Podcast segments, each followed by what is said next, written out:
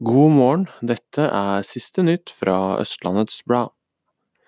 Flere hundre kunder mista strømmen i Follo i natt, spesielt ble innbyggerne i Ås hardt ramma.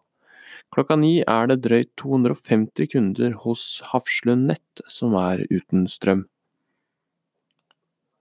Utbyggeren Solon Eiendom jakter på enda flere tomter å bygge ut på Kolbotn. De avskriver ikke interesse for et prosjekt i Ormerudveien til 35 millioner kroner. Og endelig kommer Skis tilsvar på Ekebergsletta. Etter mange års diskusjon har nå kommunen og grunneieren gjort en avtale om bruken av det såkalte Arnejordet på Drømtorp.